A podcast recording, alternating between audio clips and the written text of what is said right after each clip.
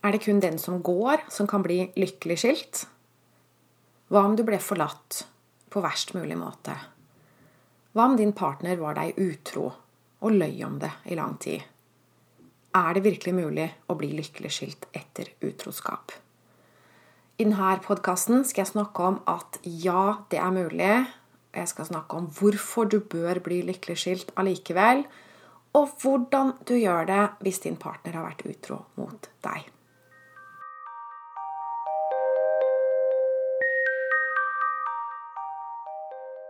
Hei, jeg heter Line Strandvik. Jeg jobber som personlig veileder hvor jeg hjelper deg tilbake til sannhet, hvor livet er ekte, enkelt og meningsfullt.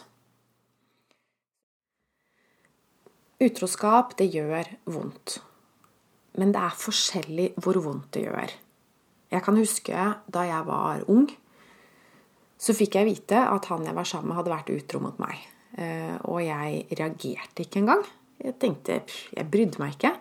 Og grunnen til det var selvfølgelig fordi jeg hadde ikke lagt noe i det. Det var veldig overfladisk. Vi kjente hverandre ikke så veldig godt.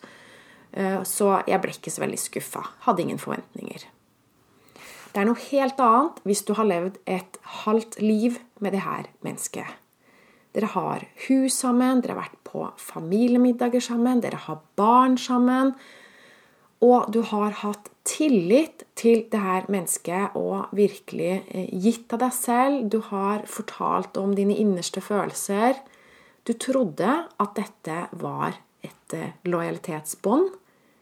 Og så går personen bak ryggen din og er utro. Og ikke bare med det, ikke, ikke bare én gang, men flere ganger. Og lyver om det i lang tid. Det er vondt. Skikkelig, skikkelig vondt. Det er et svik. Og hvis du opplever det, så vil du oppleve en eksplosjon av følelser. Og hvis man da skilles og har barn å ta hensyn til oppi det her Fryktelig vanskelig. Hvis du opplever noe tilsvarende, så har du i prinsippet tre valg. Det første valget er å ikke gjøre noe med det. Det er et sjokk, og du kan velge å ikke ta det innover deg, bare stenge det ute. Fordi det er for vondt. Eh, så mange velger det. Mange velger å ikke bearbeide det, men bare ikke forholde seg til det. Stu det vekk. Men hvis du gjør det, så blir du sittende fast i det vonde. Så jeg vil anbefale deg å gå gjennom det. Alternativ to er å ta tiden til hjelp og tenke at tiden leger alle sår. Men det gjør jo ikke det. Tiden leger ikke sår. Det er ikke tiden som leger noe som helst. Det eneste som leger, det er endring av bevissthet. Og den prosessen, den kan du styre. Den kan du speede opp. Så det tredje alternativet, det er å ta tyren ved hornet og gå inn i denne prosessen med en intensjon om å helbrede dine indre sår raskest mulig. Og det er den måten jeg vil anbefale å gjøre det på.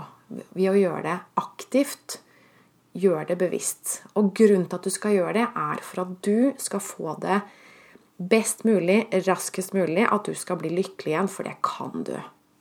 Og den andre grunnen er selvfølgelig barna dine.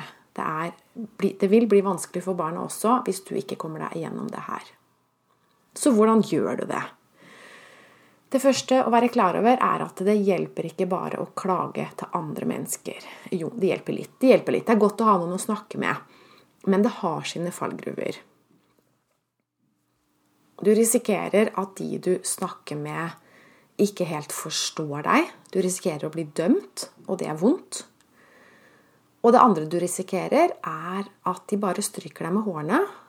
Og hvis de er litt for snille på den måten, så kommer du ikke noen vei. Da risikerer du å bli sittende fast i offerrollen.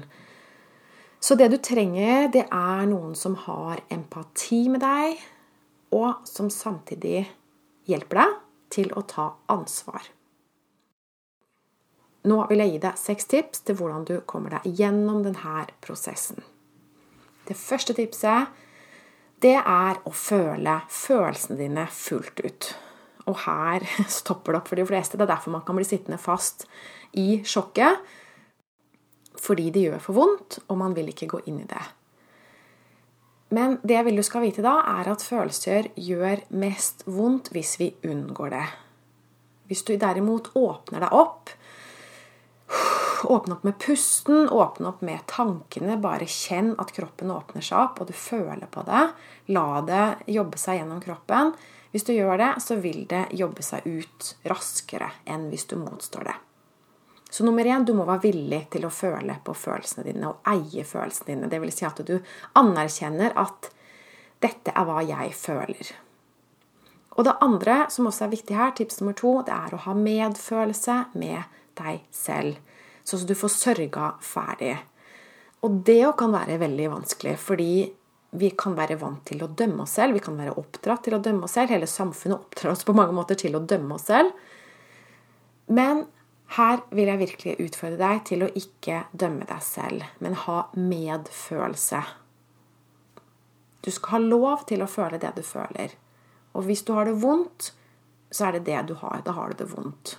Og det er ikke godt. Du fortjener ikke å ha det vondt. Hvis du syns det er vanskelig å gjøre det alene, så vil jeg anbefale deg å finne et menneske du kan gjøre det sammen med. En som er der med deg, som ikke gjør så mye annet egentlig enn å bare være der, og som, som har den empatien med deg og hjelper deg gjennom. Når du har gjort det her, og det er viktig, det er grunnpilarene Og når du har gjort det og klart det, så er du klar for skritt tre. Og det er å ta ansvar for skilsmissen. Du må se hva du gjorde galt. Du kommer ikke videre hvis du bare skylder på eksen, fordi det du gjør da, er å gi fra deg makten over livet ditt. Da blir du et offer. Og det er en typisk tabbe at vi legger vårt liv i andres hender. Og det kan du ikke gjøre hvis du ønsker å bli lykkelig. Da må du ta ansvar. Ta ansvar for at det ble en skilsmisse. Var det noen røde flagg du ikke overså? Var du godtroende? har du kanskje ikke gitt forholdet nok oppmerksomhet. Det må ha vært noe som du kunne gjort annerledes. Og som sagt, for å være i stand til å gjøre det her skrittet, så må du gjøre én og to først. Du kan ikke hoppe rett på å ta ansvar hvis ikke du har medfølelse for deg selv. Hvis du går rett på trinn tre her med å ta ansvar for skilsmissen før du har lært deg å ha medfølelse med deg selv, så risikerer du bare å dømme deg selv og få det verre. Så gjør det her i riktig rekkefølge. Så kommer vi til det fjerde tipset, og det er å ikke ta det personlig. Hvis noen ikke vil være sammen med deg lenger, hvis noen er utro mot deg, så betyr ikke det at det er noe galt med deg. Det er absolutt ikke fordi du ikke er pen nok eller tynn nok eller rik nok eller morsom nok eller noe som helst sånt noe. Det har ikke noe med deg å gjøre i det hele tatt. Det å ikke ta ting personlig, det tror jeg det er mange som trenger å lære. Det trengte jeg også å lære. Kanskje trenger jeg det fortsatt òg. Jeg kan huske jeg leste en supergod bok som ga meg en aha-opplevelse om hva det betyr å ikke ta det personlig. Og Den boka den heter 'De fire leveregler' og er skrevet av Don Miguel Ruiz, tror jeg det heter. Jeg vet ikke. Litt vanskelig å uttale. Don Miguel Ruiz. Du kan få den på bokkilden.no. De fire leveregler. Og den andre leveregelen den handler om hvordan man ikke tar ting personlig. Jeg kan ikke huske presist hva det sto, men det ga i hvert fall meg en aha-opplevelse om at uansett hva folk gjør mot meg og sårer meg, så har det ikke noe med meg å gjøre. Det har bare noe med dem å gjøre. Og da er vi klare for trinn fem, som handler om å rense ut negativitet. Så det vil si å sørge ferdig og rase fra deg hvis du er sint. Eh, fjerne skamfølelse. Og helt, du skal gjøre det her helt til du klarer å tilgi deg selv og tilgi den andre. På den måten at du gir slipp. Hvis ikke du klarer å gi slipp, hvis ikke du klarer å tilgi den andre, så vil det bli sittende fast rester inni deg av bitterhet Eh, som gjør at det vil forpeste nye relasjoner. Det vil forpeste ditt liv. Det er derfor det er så viktig å tilgi. Og tilgivelse det må være organisk, det må være ekte. Du kan ikke fake det. Ellers så vil det ikke funke. Så rense ut negativitet det handler også om å gå dypt inn i følelsene dine og få opp til bevisstheten alt du føler. og få det ut av kropp og sinn. Når du har gjort alle de her fem trinnene, så er du klar for trinn seks, som er å finne en bedre kjæreste. Hvis det er det du ønsker, da. For du kan helt klart finne en bedre kjæreste. Det var tydeligvis ikke en god match eh, hvis det var dette som skjedde. Og det kommer egentlig litt av seg selv når du har gjort trinn fem grundig nok. Når du har rensa ut negativitet, fylt på med selvkjærlighet, så blir du klar for å finne en ny en, og du vil finne en ny en uten anstrengelse.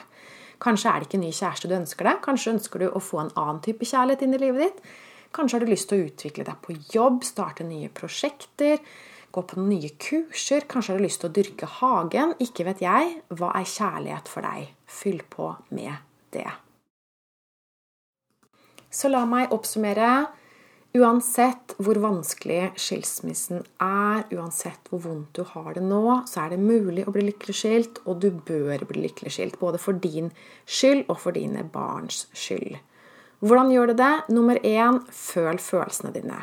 Nummer to ha medfølelse for deg selv. Nummer tre ta ansvar for skilsmissen. Nummer fire ikke ta det personlig. Nummer fem rense ut negativitet. Og nummer seks finn ny kjærlighet.